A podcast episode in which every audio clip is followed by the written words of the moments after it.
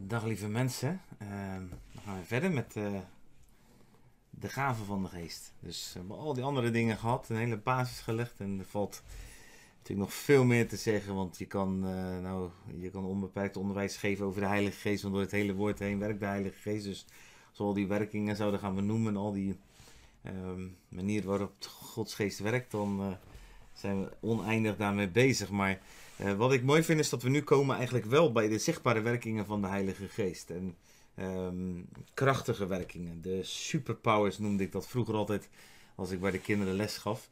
En ehm, ik, ga, ik ga met jullie ga ik gewoon even een stukje lezen. 1 Korinthe 12 is eigenlijk het hoofdstuk wat je er ook bij kan pakken als je je Bijbel bij de hand hebt. eh, waar we even doorheen gaan. En dat zijn hele evenwichtige hoofdstukken. Hè? 1 Korinthe 12, 13, 14. Dus een mooi gebalanceerd stuk wat Paulus neerzet over de werkingen van de Heilige Geest. Ik ga het even met jullie lezen. Want nu de geestelijke gaven betreft, broeders, wilde ik niet dat u onwetend bent. U weet dat u heidenen was, weggetrokken naar stomme afgoden, en zo liet u zich meevoeren. Daarom maak ik u bekend dat niemand die door de geest van God spreekt, zegt Jezus is een vervloekte. Ook kan niemand zeggen Jezus is Heer dan door de Heilige Geest. En er is een verscheidenheid van genadegaven, maar het is dezelfde geest. Er is een verscheidenheid van bedieningen en het is dezelfde Heer. Er is een verscheidenheid van werkingen, maar het is dezelfde God die alles in alle werkt. En aan ieder echter wordt de openbaring van de geest gegeven tot wat nuttig is voor allen. En ehm, dat vind ik wel heel, heel ehm, mooi aan de context. Context matters, zeggen ze in het Engels altijd.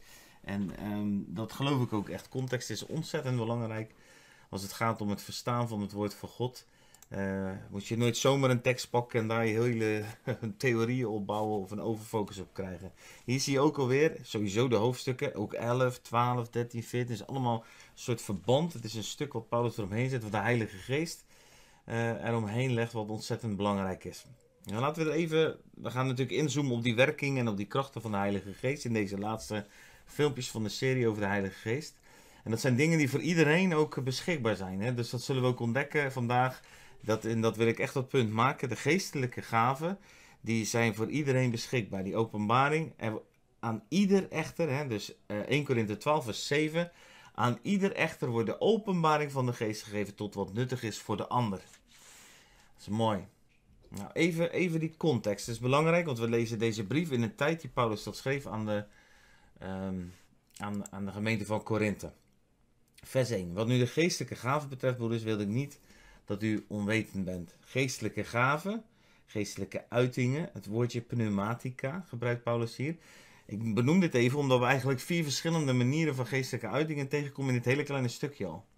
Maar wat Paulus hier zegt, en daar ga ik straks nog even op in, hè, dus dit zijn de pneumatica. Paulus wil niet dat ze onwetend zijn, hij wil er inzicht in geven.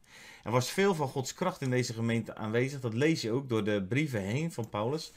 Maar Paulus wil benoemen dat uh, deze pneumatica op zichzelf gezien niet per se het bewijs zijn voor de aanwezigheid van de Heilige Geest. Het is opmerkelijk, hè? Het is goed om dat even binnen te laten komen.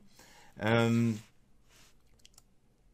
dus het feit dat er werkingen zijn, zoals we die straks gaan benoemen, van allerlei krachten en dingen, uitingen, van geest, van de geest, betekent niet per se, is niet per se een bewijs voor de werking van de Heilige Geest.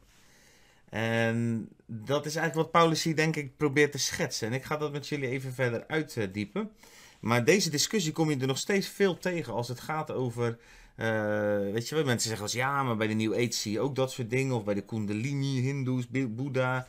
Uh, dan, dan eigenlijk zeggen ze van ja, het kan bijna niet waar zijn, het werk van de geest. Want het komt ook voor uh, bij andere afgoden of demonische, waar demonen zich in manifesteren. En dat is, dat, dat is hier dus ook al. Paulus benoemt dat dus ook heel duidelijk. Dus het is goed om daar opmerkzaam op te zijn. Um, deze mensen in Korinthe waren opgegroeid met een groot scala aan allerlei afgoden. Stomme afgoden noemt Paulus het ook in het stukje. Hè? Hij zegt, toen u heidenen was weggetrokken naar stomme afgoden, zo liet u zich meevoeren. Maar die afgoden waren natuurlijk niet zo stom dat ze zich niet manifesteerden door mediums heen en door uh, allerlei krachten die plaatsvonden. Uh, die demonen die verbonden waren aan die stomme afgoden. Dus voor deze mensen was het eigenlijk misschien al wel normaal om in die geestelijke wereld, want Korinthe was een, afschu een, afschuwelijke stad met heel veel afgoderij. Dat kan je ook gewoon in de brief lezen. Dus die, die, die mensen in Korinthe waren wel gewend aan die demonische wereld, aan die krachten. En Paulus zet het even recht. Hij zegt er is namelijk een verschil. Uh, in vers 2 benoemt hij die afgoden. Vers, vers 3 benoemt hij het verschil tussen de kracht uit een afgoddemon of een openbaring vanuit de kracht van de Heilige Geest. Gericht op Jezus. En dan zegt hij, allereerst komt het vanuit één geest. Het komt dus niet vanuit meerdere geesten. Dat is interessant. Dus als je, dat stukje nog een keer leest straks, dan moet je maar eens opletten. Dat Paulus dat heel duidelijk zegt. Dit van, van God uit komt vanuit één geest, niet vanuit al die afgoden.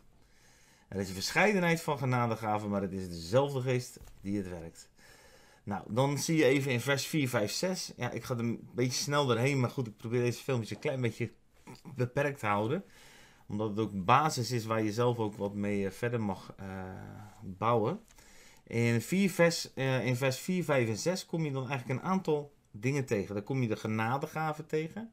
Dan kom je bedieningen tegen en dan kom je werkingen tegen. Dus als we ze even bijpakken, dan staat er is een verscheidenheid aan genadegaven, maar het is dezelfde geest.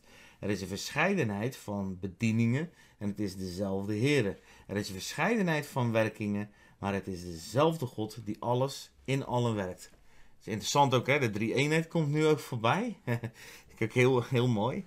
Uh, en die is ook weer één. En, en, en hij benoemt dus de geest in vers 4 en de Heere, Jezus in vers 5 en God in vers 6. Nou, je ziet ook dat heeft ook weer een link met wat hij noemt: de genadegave van de geest, de verscheidenheid van de Heer en de werkingen van dezelfde God. Dus uh, Paulus die, die, die legt eigenlijk even een soort blauwdruk neer van hoe de geestelijke wereld op deze aarde gemanifesteerd wordt door die werkingen, die pneumatica van de Heilige Geest heen.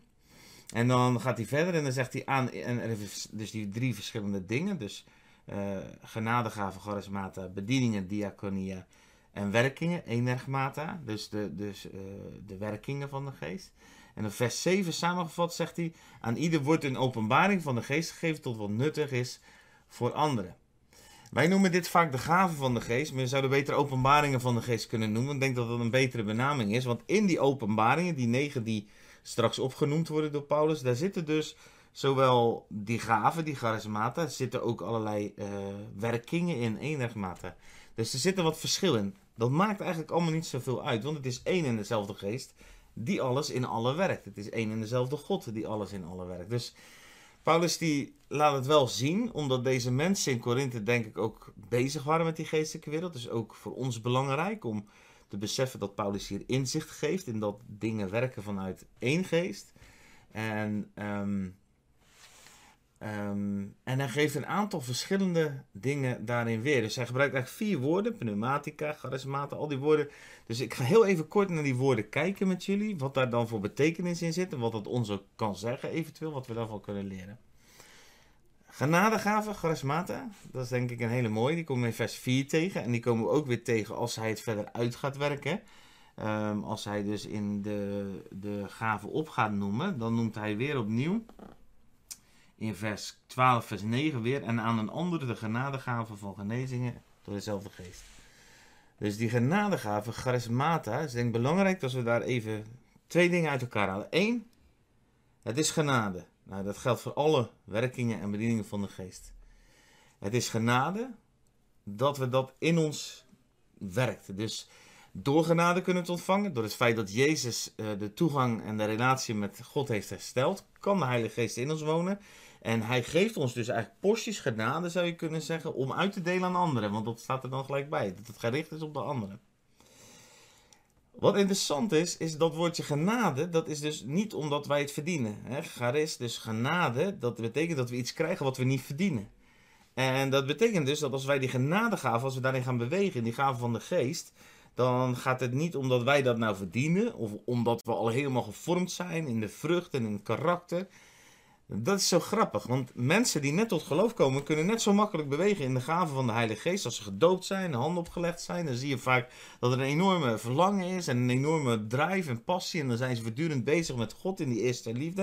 En dan zie je dus dat die gaven van de Geest vaak heel makkelijk werken door die gelovigen heen. Nieuwgelovigen, mensen die. Uh, en dan moet je altijd oppassen. En uh, zeker als je al wat langer meeloopt in het, uh, in, in christelijke wereld, moet je oppassen dat je niet het oudste zoon effect krijgt. Kijk, het leuke is, als je in Lucas 15 leest, ik weet niet of je Lucas 15 kent, als je niet zo bekend bent met de Bijbel, lees het maar eens. Dan kom je tegen, de gelijkenis tegen, die wordt vaak de gelijkenis van de verloren zoon genoemd. Ik noem hem liever de gelijkenis van de wachtende vader. Maar er staat dus een vader en die staat op wacht en die staat dag en nacht te wachten op zijn zoon. En zijn zoon die heeft er ooit voor gekozen om de helft van de erfenis mee te nemen. En ja, die is gaan reizen en die heeft daar één groot feest en beestleven gemaakt. Maar uiteindelijk eindigt hij met niks tussen de varkens. Dan gaat die jongen terug naar zijn vader. Het is zo interessant om te zien hoe die vader dan reageert op die jongen. Een jongen die komt naar de vader, die heeft een soort ingestudeerd religieus verhaal van ik ben niet waard om mijn zoon genoemd te worden. Maar de vader die zegt er helemaal niks, die reageert er helemaal niet op, maar die sluit die jongen in zijn arm en die trekt hem tegen zijn borst staan en die vermengt zichzelf helemaal met die jongen. En dan vervolgens krijgt die jongen een mantel aan en een ring om zijn vinger en ehm, schoenen aan zijn voeten. Allemaal tekenen van autoriteit en van waardigheid. Dus zijn waarde wordt hersteld, zijn identiteit en zijn autoriteit. En dat is eigenlijk ook wat er gebeurt op het moment dat de Heilige Geest in je komt wonen. Dan kan je gewoon, die gaven, die worden gewoon werkzaam in die personen. Of jij nou uh, twee of drie dagen tot geloof gekomen bent, of je bent al 20, 30 jaar tot geloof gekomen. Het is niet, dat maakt eigenlijk helemaal niet uit. Het is genade. Dat is interessant, want dat roept wel eens ook gedrag op. Wat je ook in Lucas 15 ziet, dat heb ik ook vaak tegen, ben ik ook vaak tegengekomen. In Lucas 15 is er nog een broer, en dat is die broer, die is er een beetje pissig over dat uh, die jongste zoon zo ontvangen wordt. En, want ja, die heeft fouten gemaakt en die is uh, naar de hoeren en de snoeren en de feesten en die hebben al het geld opgemaakt. En nu komt hij terug en is zijn vader helemaal blij dat hij terug is. En dan, oh, hij organiseert ook nog een feest. En dan staat er zelfs dat het geluid van de feest was tot op het veld te horen. En die oudste zoon die blokkeert, die wordt boos.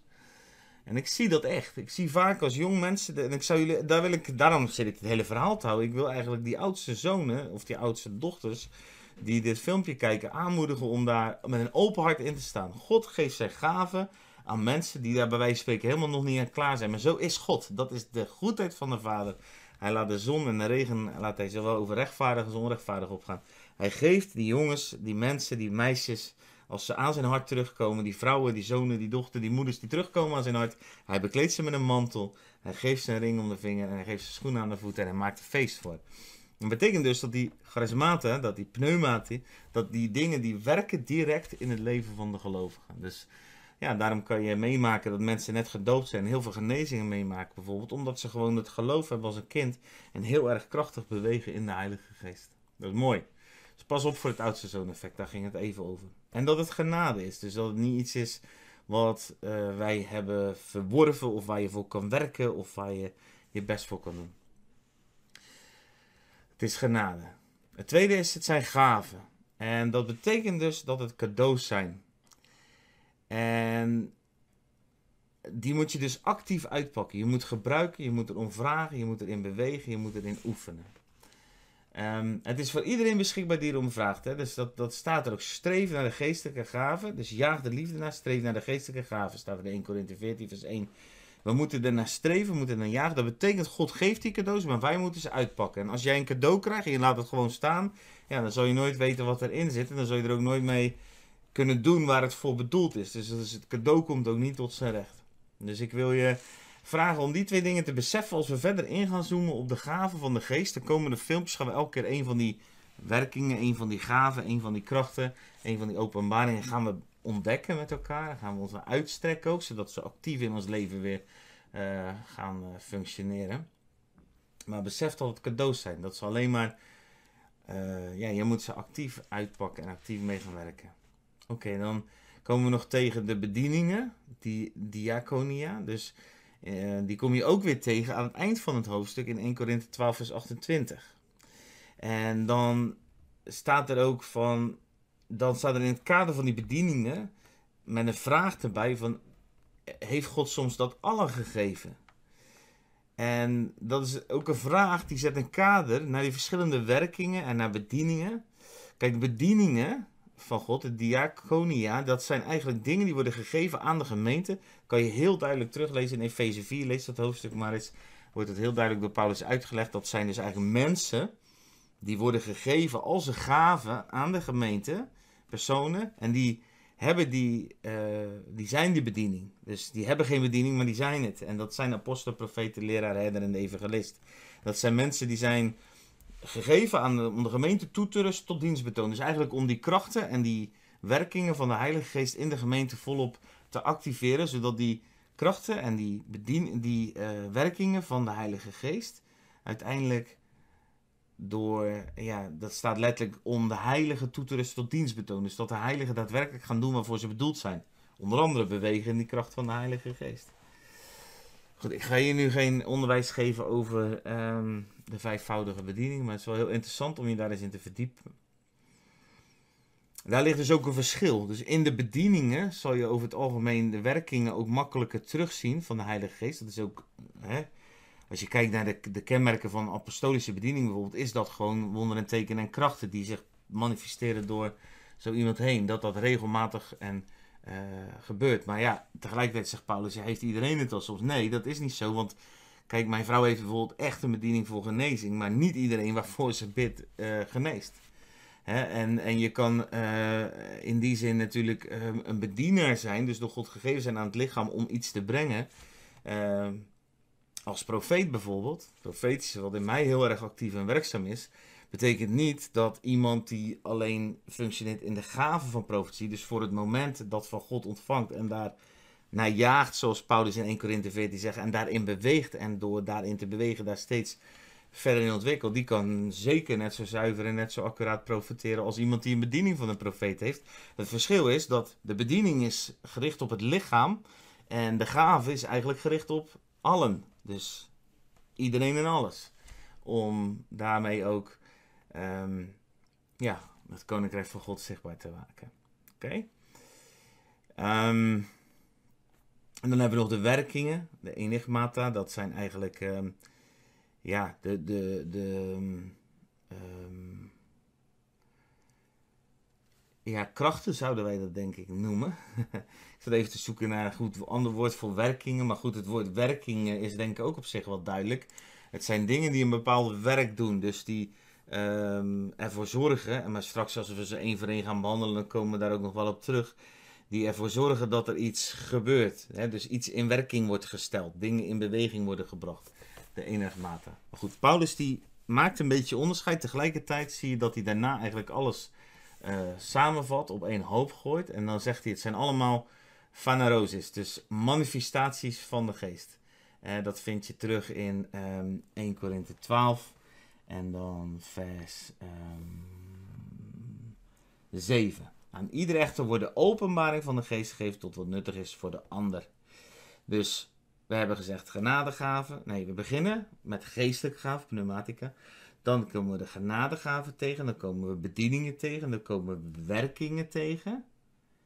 En dan staat er een soort samenvatting, zegt Paulus. Maar het is aan ieder wordt de openbaring van de geest gegeven. Dus eigenlijk vat hij al die dingen samen. Zegt hij dat zijn openbaringen van de geest. En het woordje openbaring kan je ook vertalen met bijvoorbeeld manifestaties van de geest. Of waar de geest zichtbaar wordt, hoe de geest zich laat zien. Of gereedschappen van de geest. Dat is ook een mooie vertaling. Dus dan kom je dus bij die openbaringen van de geest. Zouden we eigenlijk beter kunnen gebruiken dat woord als gaven van de geest. Want uh, het, dat is eigenlijk wat Paulus zegt. Er zijn allerlei openbaringen. God geeft die. En um, dat zijn eigenlijk die krachten die zich manifesteren in mensen. En heel vaak wordt ook het voorbeeld gebruikt van de gereedschapskist. Agnes uh, Sandford gebruikt dat ook. En uh, die heeft een heel duidelijk boek geschreven over deze gereedschapskist die we van God krijgen. Het is heel interessant om eens te lezen als je echt wil bewegen in die krachten ook. En dat is de gereedschapskist waarmee wij eigenlijk Gods werk op aarde mogen demonstreren. Dus waarbij wij iets mogen laten zien van hoe God op aarde, van wie God is en dan op aarde. En dus dat bidden we ook, hè. Dat leert Jezus zo bidden, dat, uh, dat Gods wil op aarde zal geschieden zoals in de hemel. Het is een grote gereedschapskist vol van attributen, gereedschappen, schroeven, materialen. Je kan die dingen niet helemaal uit elkaar halen. En toch gaan we die gereedschapskist openen en ontdekken wat voor werkingen en wat voor krachten daarin zitten. Zodat we ook onszelf actief kunnen uitstrekken nadat die krachten in ons werkzaam worden. Want dat is ook wat Paulus voortdurend stimuleert. Nou, Paulus gaat er vervolgens negen opnoemen. Maar er zijn er natuurlijk veel meer. En er zijn er ook in allerlei combinaties. En op andere momenten uh, op andere plekken in de Bijbel kom je ze ook in andere combinaties tegen. Uh, Paulus noemt er negen op en met die negen dek je denk ik een heel groot lading af van wat er allemaal kan gebeuren als de Heilige Geest door je heen gaat werken. Maar het is geen wiskunde. God is geest, hij is pneuma, hij is wind, hij is levend. En om dan nog even terug te komen op die vraag van hoe verhoudt dat zich nou tot wat je bijvoorbeeld aan manifestaties door demonen heen kan zien. Dan mogen we dus beoordelen, wat Jezus ook ons leest, we mogen de, de werkingen van de Heilige Geest, dus de, de openbaringen van de Geest, beoordelen door te kijken naar wat is de bron. dus het moet uit één geest voorkomen, de Heilige Geest. Hebben wij gevraagd om brood, dan krijgen we geen steen, zegt het woord. We focussen ons op de gever, niet op de gift, niet op de gave, maar op degene die erachter zit. Dus wat is de bron? Wat is de bedoeling? Richt het je op God, hè? want Paulus zegt letterlijk van ja, uh, Jezus is een vervloekte. Dat kan nooit uit de mond komen van, dat kan nooit een werking van de Heilige Geest zijn dat iemand Jezus vervloekt. En uh, uh, dat draait hij ook om. Dus wat is de bedoeling? Richt het Jezus, zet het Jezus in de spotlight, zou je kunnen zeggen. wat, is de, wat, wat doet het? En op de vrucht. Hè, dus de bron, de bedoeling en de vrucht. Daaraan kunnen we eigenlijk beoordelen uh, of de geestesgaven ja, vanuit de juiste bron komen. Dus de vrucht van een werking van de Heilige Geest. Wat brengt het werk van de Heilige Geest voort? Nou, de, de pijlers van het koninkrijk. Vrede, vreugde, gerechtigheid. Hè? Romeinen 14, vers 17 zegt dat zo mooi. Vrede, vreugde, gerechtigheid. Dat is de vrucht van de bediening van de geest. Dat is de vrucht van de openbaringen van de geest. Dus als ik in mijn leven terugkijk naar de dingen die de Heilige Geest in mij of tot mij of door mij gedaan heeft, dan zal er altijd dat als gevolg moeten zijn. Komt het uit een andere geest, de stomme afgoden, zoals Paulus ze noemt, dan zul je zien dat er angst, verslaving, schuld en schaamte als vrucht uiteindelijk openbaar komt in die dingen. En um, um, dat is denk ik belangrijk om dat onderscheid te durven maken. En tegelijkertijd daardoor dus jezelf niet laten blokkeren. Want als jij weet, hé, hey, mijn hart is naar de juiste bron gericht. Dan mag je er ook op vertrouwen dat je vanuit de juiste bron zal ontvangen. Want dat zegt God in zijn woord. Het is belangrijk, je kan dus niet per se aan de uiting zien of iets van Gods geest is of niet. Dat zie je dus aan de bron, de bedoeling en de vrucht van die uiting. dus is niet altijd. En je hebt dan de gave van onderscheid. Daar komen we dan ergens over een paar filmpjes vanzelf op. En die gave van onderscheid, die helpt ons ook om te kunnen uh, vaststellen wat de bron is van um, bepaalde manifestaties van de Heilige Geest. Mocht je daaraan twijfelen, ik, kan je voorbeelden geven, maar de, demonen hebben ook kennis bijvoorbeeld. Dus als je het hebt over woorden van kennis, die kunnen ook door demonen komen. Of, of hè, denk bijvoorbeeld aan een medium uh, of denk bijvoorbeeld aan, uh, ook in de Bijbel, hè, als Paulus achterna wordt gezeten door een slavin en die eigenlijk waarheid spreekt over Paulus, maar dat komt vanuit de verkeerde bron. Daarom bestraft Paulus het ook na verloop van tijd. Maar je ziet wel dat die kennis bezit, demonen zit. Ik heb het zelf wel eens meegemaakt ook op een bevrijdingsconferentie. Dat ik iemand mag vrijzetten van demonen. En die demonen die fluisterden door die persoon heen iets in mijn oor wat alleen demonen konden weten. Wat alleen God wist eigenlijk. Maar en, en demonen. Dus die dingen die uh, in mijn verleden gebeurd waren, die die persoon niet kon weten. Maar die persoon die op dat moment door mij bevrijd werd, en ik, het was gelukkig een, zonde die niet, een, beleden zonde, hè, dus een, waar ik open en vrij in stond. Maar toch probeerde die demon mij in verwarring te brengen om mij te confronteren met mijn achtergrond. En dat is interessant, want die persoon die tegenover mij stond, had mij in heel mijn leven nog nooit ontmoet of gekend of gezien. Dus die wist absoluut niet uh, dat hij dat wat hij doorgaf direct uit de demonen kwamen. Die demon die heeft er overigens ongetwijfeld heel veel spijt van gehad. Want ik werd er enorm verbolgen over dat uh, hij durfde aankomen met iets wat God al lang vergeven had. Even kijken wat uit mijn andere periode van mijn leven kwam. Oké, nou waar zijn dan, dat is belangrijk, dus de openbaring van de geest wordt gegeven tot wat nuttig is voor de ander. Ook belangrijk. Het is altijd gericht op de ander.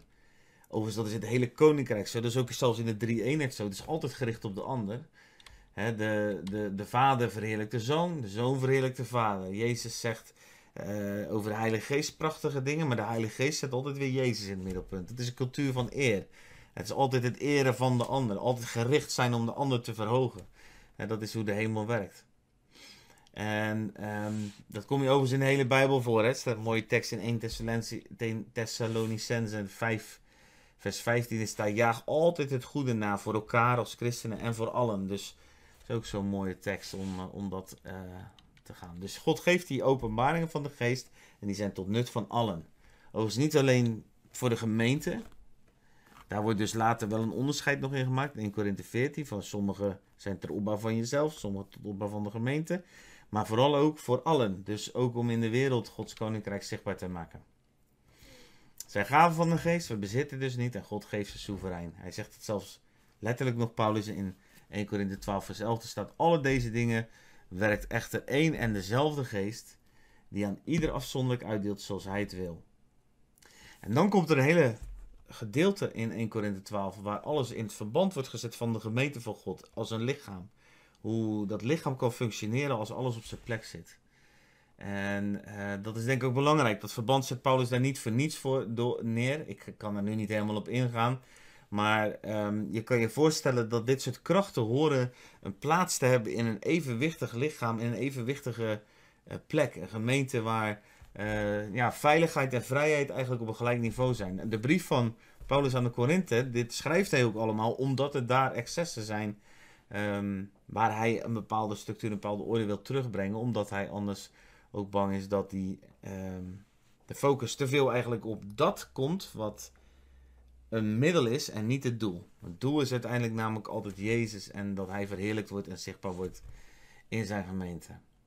Nou, dan heb je die negen gaven: wijsheid, kennis, geloof, genezen, krachten, profetie, onderscheid, tongentaal en uitleg van tongentaal. En die gaven komen op verschillende plekken ook weer op een andere manier in de Bijbel terug. En daar wordt maar weer duidelijk, wat ik ook al eerder genoemd heb: je moet die gaven niet in een hokje stoppen. Je moet ze niet gaan behandelen als een soort wiskunde. Want dat is het niet. En, want als je dit in een hokje stopt, de werkingen van de geest in een hokje stopt, dan stop je eigenlijk de Heilige Geest in een hokje. En het is net als in een gereedschapskist. Je kan niet zeggen van nou, um, ik pak vandaag alleen een, een hamer. En eh, soms heb je een bijtel en een hamer nodig. Dat zijn combinaties.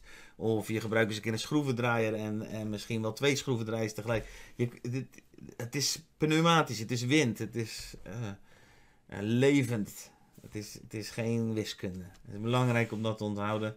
Ik heb heel vaak meegemaakt bijvoorbeeld dat een woord van kennis leidt tot genezing. Dus of een profetisch woord wat ik uitspreek over iemand. En daardoor komt er een bepaalde genezing en verheling in de ziel. Of er komt een genezing van het lichaam. Doordat Gods waarheid door een woord van kennis binnenkomt. Dus ja. Um, maak er geen systeem van. Vertrouw erop dat God je geeft wat je nodig hebt. En dan die wil ik nog wel even benoemen. Dan is het filmpje afgelopen voor deze keer. Het is misschien wat langer geworden als gebruikelijk, maar soms is de materie ook misschien een klein beetje stug. Maar dan zegt Paulus aan het einde in 1 Korinthe 12, vers 31, dan zegt hij: streef dus naar de beste genadegave. En ik wijs u een weg die dit alles nog overtreft. Dus er is nog een betere weg dan die genadegave. Nou, en dan gebeurt er in onze Plato-hoofden, ja, zeg ik Plato, eh, onze ratio gestuurde uh, hoofden, hè, we hebben heel erg geleerd onze ratio te gebruiken, dan denken we in één keer, hé, hey, er is een weg die alles nog overtreft. Maar dat is niet wat Paulus zegt. Die zegt, als je nou streeft naar de beste genadegave. Nou, laten we daarmee beginnen. Streven, zelo, dat heeft te maken met jaloezie, dat je uh, als een jaloerse begeerte hebt naar die genadegave. Als je dat nou doet, dan en dan wijs ik u een weg die dit alles nog overtreft. Dus Paulus zegt, doe dat. Maar laat dat andere niet. Dus hè, er, is, er is een weg die dit alles overtreft. Maar je moet wel streven naar de beste genadegave. Dat is gewoon een opdracht die hij ons hier geeft. Want soms heb ik ook wel eens om mij heen gehoord. Dan zeggen mensen ja, maar de liefde is nog veel belangrijker. En vervolgens gebruiken ze dat eigenlijk om in een fauteuil te gaan zitten. En niet meer bezig te zijn met de werkingen van de Heilige Geest die hij aan de gemeente wil geven. Dat is niet best, vind ik. Um, want die weg van liefde die dit alles nog overtreft, die werkt eigenlijk ook alleen maar in combinatie met die gaven weer. Want hè, die krachten en die tekenen en die dingen die de Heilige Geest doet, die, die geven vaak een bovennatuurlijke ingang in de harten van mensen. En dan is het zo belangrijk dat we binnen liefde bewegen. En is heel interessant als je dan de eerste drie hoofdstukken van 1 Korinthe 13, een heel hoofdstuk over de liefde, dat is die beste weg die alles nog overtreft, waar Paulus over wijst komt gelijk naar Korinthe 12, waarin die gaven en die werkingen en de openbaringen van de geest komen. De weg die alles overtreft is dan de liefde. En dan begint hij dus, die eerste verse van 1 Korinthe 13, van dat hoofdstuk over de liefde, begint hij eigenlijk met een herhaling van vijf van de gaven die hij ook al eerder opgenoemd heeft in 1 Korinthe 12. En dan zegt hij dus letterlijk van, ja, al, uh, al zou ik de gave van profetie hebben en alle geheimenissen weten, dus de, uh, en kennis bezitten, dus de woorden van wijsheid en woorden van kennis. Geloof hebben, dat is ook een van de gaven. Maar ik had de liefde niet, dan was ik niets. Dus hij zet in één keer zet hij alles weer in de context van de liefde. In de relativiteit ook van wat het betekent om te wandelen in die krachten. Maar dan moeten we het natuurlijk niet bagatelliseren. Dus als je iets relativeert, is het nog niet zo dat je het bagatelliseert. En dat gebeurt wel heel vaak. Dus dan gaan we roepen over de liefde. En dan bagatelliseren we eigenlijk die krachten en die openbaringen van de geest die God door ons heen wil geven. En dat is niet de bedoeling. Want het is en-en. Dus juist die krachten van de Heilige Geest, die openbaringen van de Geest, die gaven van de Geest, die komen op de juiste manier tot verwerking als we de liefde ook hebben. Maar Paulus zegt het omdat het punt is vaak waar Gods charismata sterk aan het werk gaat, dan zie je dat de werkingen van God door mensen heen vaak aanzien geven. Of verwondering, of ontzag, of en dat is heel apart eigenlijk, want het is Gods kracht die in mensen werkt. Dus als er door mij heen handen heen en genezing uh, gebeurt, en ik ben omringd met mensen die zichzelf nooit uitstrekken naar zulke dingen, dan zullen ze een soort gezag, maar dan niet een gezond gezag, want er is ook gezond gezag, hè, het woord, maar goed, daar gaan we het nu niet over. Maar dan zullen ze ongezond op gaan kijken tegen mensen. Dat is ook wat je misschien in Korinthe ook wel terugvindt, hè, dat dat die partijschappen en dat soort dingen die ontstaan. En dat heeft allemaal een bepaalde geest van verdeeldheid in zich. En daarom zegt Paulus dit: van ja, je kan alles hebben, maar als je de liefde niet hebt, ja, dan kan je heel stoer zeggen: ja, God werkt door mij heen door genezing. God werkt door mij heen met profetie. En dat is dan ook zo. Dat hebben we aan het begin ook gezien. Hè? Het is een genadegave. Dus het heeft niks te maken met of die liefde ook in je werkt. Nee. De gaven zijn altijd beschikbaar, maar de liefde, dat is een keuze die jij moet maken. En dat is een keuze die je telkens opnieuw moet maken. Ja, het is best wel veel, hè. Ik probeer dan dingen misschien een beetje te compact uit te leggen, maar ik, ik hoop dat je me nog kan volgen. Nou, het is echt heerlijk als Gods kracht door je heen werkt. Persoonlijk herinner ik me nog zo goed mijn eerste bevrijding en de eerste keer dat ik tongentaal ontving en dat ook ging spreken, dat ik urenlang in de nacht, weet ik nog goed, uh, ja, het zo uit mijn ziel kwam opborrelen. Heerlijk. Als je genezing meemaakt, dat Gods kracht ook je lichaam door je lichaam heen gaat, dat je het mag voelen ook. Heel bijzonder, heel gaaf. Heel mooi. Maar uiteindelijk is het niks als we de liefde niet hebben. En hoe belangrijk is dat om te beseffen? Het ene niet laten en naar het andere streven. Dus streef naar de gave. Nee, sorry. Jaag naar de gave. Streef, nu was het streef naar de gave, jaag naar de liefde. Maakt niet uit. Allebei. Het is en en. Uh, streef naar de gave en jaag naar de liefde. Dat is wat ik je mee wil geven voor vandaag. Dus allebei. Ga nou niet zeggen, ja, maar ik moet eerst in die liefde. Nee. Ga dan wandelen in de, in de gaven van de geest. Strek je daarna uit. Strek je uit naar wijsheid, naar werkingen, naar alles wat God wil geven. Naar kennis, profetie. Oefen jezelf daarin. Wees daar ontzettend uh, nauwkeurig mee bezig. Maak daar voor jezelf een, missie van om daarin te groeien. Maar vergeet daarbij de liefde niet. Focus je op de liefde. Zorg dat je groeit in liefde door zelf ook in de intimiteit met God die liefde te ontvangen. En vergeet de gaven niet. Nou, zo kan ik de rest van de tijd doorgaan. Dus het is en en. Zoals alles in het woord in balans is. Kracht en liefde is een balans. Woord en geest is een balans. Waarheid en genade is een balans. Dingen zijn in balans. Het is en en, en en, en en. En daar waar een van de twee uit het zicht raakt, daar raakt eigenlijk de hele essentie van het evangelie uit zicht. Er is geen waarheid er is geen genade zonder waarheid. Er is geen kracht zonder liefde. Maar eigenlijk, en dat wil ik je dan ook meegeven tot slot, is er ook geen liefde zonder kracht. Want die kracht die God wil geven in zijn lichaam, dat, is dat zijn de elementen waarmee uiteindelijk ook de liefde voor God zichtbaar wordt. Als God gaat genezen. Als woorden. Ik heb zo vaak meegemaakt. Woorden die mensen hun leven totaal veranderen. Die vrede, vreugde en gerechtigheid in levens brengen. Liefde ziet er soms heel krachtig uit. Dus het een kan niet zonder het ander. Alright. Ik ga het eh, met jullie bidden. Ik wil bidden om een krachtige aanraking, een nieuwe verversing, een doop met de Heilige Geest. En ik wil je vragen als je dat wil ontvangen om je handen te openen. Vader, dank u wel, Heer, dat u God bent die in kracht en in liefde beweegt. En dat u ons ook in beide wil laten bewegen. En Heer, ik strek mijn handen uit naar iedereen die dit filmpje kijkt, die met ons verbonden is. En vader, ik wil u op dit moment vragen om een doop met de Heilige Geest, met het vuur. Vader, dat u en overschaduwt, dat ze merken dat u hen aanraakt. Heer, kom met uw kracht. Heer, en ik bid, Heer, voor een passie en een verlangen naar en en, naar en heel veel liefde en heel veel kracht. Vader, ik wil dat zo vrijzetten over de levens die op dit moment verbonden zijn door deze, film, door deze video te kijken. En vader, dank u wel dat u een goede God bent. En zoals ik hier op dit moment voel, hoe de kracht eigenlijk ook vanuit deze ruimte uitgaat, zo bid ik dat je, als jij aan de andere kant zit, dat je het zal ontvangen. In jouw lege geopende handen, waar je niets van jezelf hebt te brengen, maar waarin je alles mag ontvangen vanuit de hemel. De kracht en de liefde. En ik bid als we de reis gaan vervolgen met de filmpjes over de verschillende gaven, dat je keer na keer zal merken dat de dingen open gaan en dat je nieuwe, frisse inzichten gaat ontvangen. Dat die openbaringen, die manifestaties van de geest weer werkzaam door je zullen worden. Misschien voor het eerst, misschien opnieuw. Maar het is er voor je. Wandel in de liefde, wandel in de kracht. Ik zegen jou in de naam van Jezus. Amen. Dat is nog wel een goede. Meestal, oh ik geef ook altijd even een uh, challenge mee. En ik zou je vandaag willen vragen. Um, om gewoon op een A4'tje eventjes op willen schrijven wat jouw ervaringen zijn. Um, met de gaven van de geest. En misschien is dat, wordt dat een leeg fiets, heb je er helemaal geen ervaring mee. Schrijf dan eens een brief naar God waarom je er zo naar verlangt om die gaven van de geest uh, te ontvangen of daarin te wandelen. En als jij misschien een briefje hebt waar er komen misschien wel teleurstellingen op, of er komen juist misschien wel hele mooie getuigenissen op, dat je dat ook bij God brengt. Dus breng, of het nou teleurstellingen zijn of juist getuigenissen, breng het bij God. En spreek naar hem uit dat hij daarin mag komen met heling en met nieuwe passie. En uh, ja, zegen jezelf door dat moment ook gewoon even te pakken.